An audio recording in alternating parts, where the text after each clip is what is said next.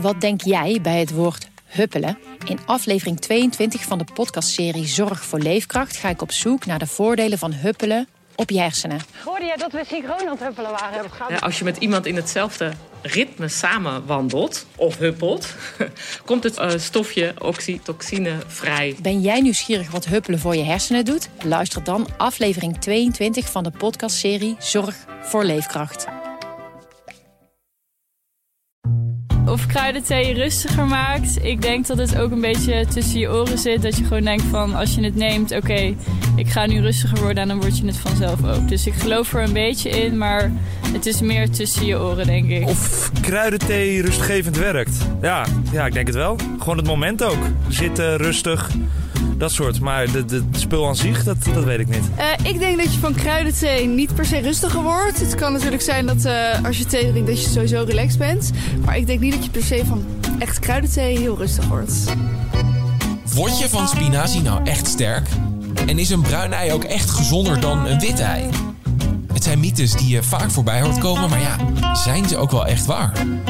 Gezondheidsjournalist Tijn Elfrink en huisarts Rutger Verhoef hebben in hun boek Kusje erop gezocht naar de waarheid achter 70 verschillende gezondheidsmythes.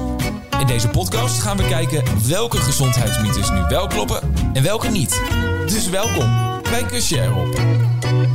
Hallo, en leuk dat je luistert naar de podcast Kusje erop. Um, ik zit hier aan tafel met, zoals in de intro gezegd, Tijn en Rutger. Heren, welkom. Rutger, jij bent huisarts. Tijn, jij bent gezondheidsjournalist. Jullie hebben samen het boek Kusje erop geschreven. Eh, mag ik eigenlijk vragen wat het idee was om het boek te schrijven? Ja, dat mag je zeker vragen. Nou, te gek. Ja. ja, zo anderhalf jaar geleden toen kwam ik Tijn tegen bij een televisieprogramma... Ja. waar hij een boek over gezondheid aan het promoten was. En ik zat daar over suikerziekte iets te vertellen. Ja. Toen dacht ik van, goh, uh, gezondheid, daar hebben we allebei wel iets mee. Toen zijn we gaan afspreken om te kijken van, goh, kunnen wij samen een boek schrijven? Want ik schrijf ook boeken. En toen kwamen we al gauw op het feit dat tegenwoordig uh, ook de oude hè, wijsheden, uh, maar ook de. En, en, dat er dus ook nieuwe uh, medische wijsheden of ja, een soort van gezondheidsmythes, zo kan ik beter zeggen, yeah. gezondheidsmythes zijn. En wat ik dan met name meemaak in de spreekkamer is dat Dr. Google met mij meekijkt. Ja, precies. En dat mensen heel vaak dingen overnemen van nou ja, de sociale media ja. en internet. Ja. En toen dachten we van laten wij dat eens even samen goed gaan uitzoeken. Zodat, er, uh, zodat mensen ook weten of bepaalde gezondheidsmythes echt waar zijn of niet. Nou ja, en het zijn er uiteindelijk 70 geworden. Tijn, was het, was het lastig om er 70 te vinden of niet? Nee, in tegendeel. Nee. Uh, de reden dat we hier aan zijn gaan denken is ook omdat het ons opviel hoeveel van dit soort verhalen er rondgaan op Facebook. Ja. En dat het zichzelf ook in stand houdt. Het zijn elke keer verhalen die opnieuw worden verteld en anderen adviseren het aan anderen. Een, een ui naast je bed. Het blijft maar doorgaan. Ja, terwijl al sinds 1500 duidelijk is dat het niet werkt. Nee, toch okay. blijven we erin geloven. Dus dat toch die grootmoederswijsheden die dan voornamelijk terugkomen? Of, uh... Grootmoederswijsheden, maar het zijn ook uh, zeer zeker nieuwe onderwerpen. Uh, bijvoorbeeld melatonine. Mensen adviseren dat, oh, slaap je kinderen slecht? probeer eens melatonine. Ja, je koopt het zo bij de drogist. En kijk, zo'n ui naast je bed, dat is nou, baat het niet, dan schaadt het niet. Maar voor melatonine geldt, uh, ja, daar moet je toch wel echt mee oppassen. En dat was ook de reden dat uh, Rutger en ik zeiden van... we moeten daar toch eens induiken en kijken van... wat is nou waar, wat is onzin? En vooral ook... Ja, wat is wel gevaarlijk en waar moet je dus ook een beetje voor oppassen? Nou, laten we dan even bij de stelling van deze aflevering uh, kijken. Kruidenthee werkt rustgevend, klinkt niet zozeer gevaarlijk. Um, ik ben dan wel benieuwd. Wat is dan in jullie boek de definitie van thee? Thee is uh, thee wanneer het is gemaakt van de theeplant. En inderdaad, vroeger had je uh, heel simpel in de supermarkt had je nou ja, zwarte thee. En toen kwam op een gegeven moment een beetje goede thee erbij. Ja. Als je tegenwoordig door de supermarkt loopt, dan, uh, dan loop je langs eh, time to relax en slaap lekker en snor en peace. En daar word je allemaal heel erg rustig van. Ja.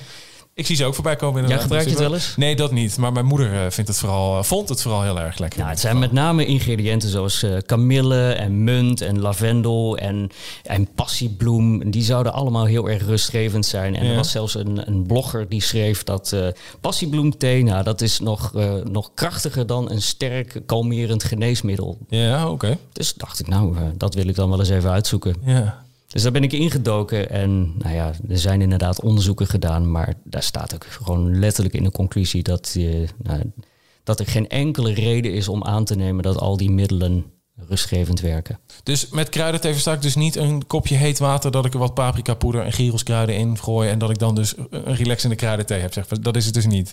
Nee, dat is over het algemeen gewoon... Uh, zijn dat theeblaadjes en daar wordt dan, uh, worden blaadjes van uh, valeriaan... of kamille of munt of lavendel aan toegevoegd. En wat je zei al, er is zwarte thee en groene thee. is daar een verschil tussen, tussen die zwarte en die groene thee... qua hoe rustgevend die dan zou kunnen zijn? Nou, het grappige is dat juist van, uh, van die kruidenthee wordt gezegd dat ze rustgevend zijn. En wat ik ontdekte is dat juist ouderwetse zwarte thee en groene thee, dat daar een, uh, een, een, stofje in zit die dus ook kalmerend werkt. Dus oh. ja, er zit cafeïne of theïne yeah. zit in, uh, in, in, echte thee. Yeah. En tegelijkertijd zit er ook een kalmerend stofje in. Dus het werkt oppeppend en rustgevend tegelijk. Wat grappig. Dus dit is niet in koffie. Koffie is echt dus de pure cafeïne. En in thee zit dus een rustgevend ja, stofje. exact. Nou ja, in thee zit wel cafeïne. Ja, nee, precies. Maar de helft minder dan in een kopje koffie. Dus is dan te veel omdat er ook cafeïne in zit, dan juist slecht of juist goed omdat er dat rustgevend middeltje ook in zit? Het is niet voor niets dat het voedingscentrum ook adviseert om drie tot vier koppen groene thee per dag te drinken. Oké, ik, oké, nou, ik ben dus iemand die dan uh, heel veel bosvruchtenthee drinkt. Dat is mijn favoriete smaak. Maar dat is heel donker. Uh, en ik drink er echt wel vijf van op een dag. Dus ik drink misschien wel bijna een soort koffie. Is dat dan per se slecht of, of, of niet? En ook heel donker. Is donkerder dan ook slechter dan lichter bijvoorbeeld? Nou, ik weet niet precies welke thee dat is, maar de kans is groot dat daar helemaal geen theeblaadjes in zitten. En ah. waar je vaak ook bij dit soort soorten thee op, uh, ja, op moet letten, is dat er ook vaak suiker aan wordt toegevoegd. Oh ja? Ja. In die zakjes zelf? Ja, er zitten bolletjes in.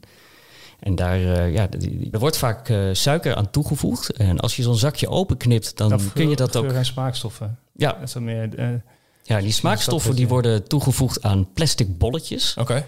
Uh, en ja, dat zit dus ook in je theezakje. En ja. suiker zie je ook vaak uh, zitten als je dus dat zakje openknipt. Nou, dan ben ik wel benieuwd, wat dan een goede thee, hoe maak je die? En wat, wat zit daar, welke thee is dat dan? Ja, het beste thee is groene thee. Daar zitten de meeste antioxidanten in. En antioxidanten zijn uh, op zich goed voor je lichaam. En die maak je door um, ja, losse thee te kopen. Dus niet zakjes, maar ga naar een, een goede theewinkel. De blaadjes dus? Ja, echte theeblaadjes. Ja. En ja, maak dat met water van maximaal 80 graden. Hoe? Omdat boven de 80 graden komt cafeïne vrij. Ah, en, dan wordt je thee bitter. Hoe weet je dan wanneer je op 80 graden zit? Met een thermometer. Ja, precies. Dus ik moet gewoon diezelfde waar ik meter van koorts heb, die moet ik ook in mijn theeglas gooien. Ja, dat zou ik niet doen. Nee? Oh, oké. Maar je zou uh, een speciale thermometer voor in de keuken kunnen kopen. Oké. Okay. Ja, en hoe warmer dus, uh, hoe warmer, hoe meer cafeïne er vrijkomt. Oké. Okay. Ja. Oh, wat goed. Dus, als we dus even kijken. Werkt kruidenthee rustgevend? Is het antwoord? Nee. Nee. Nee. Oké, okay, nou, tot zover deze aflevering. En wil je nou meer weten over andere mythes, zoals bijvoorbeeld uh, van de sauna val je af of van spinazie word je sterk? Check dan vooral even het boek. Dat heet ook Kusje erop. Uh, een link naar het boek vind je in de beschrijving of uh, bij een lokale boekhandel bij jou in de buurt. Ik zeg heren bedankt en tot de volgende. Graag gedaan. Volgende keer.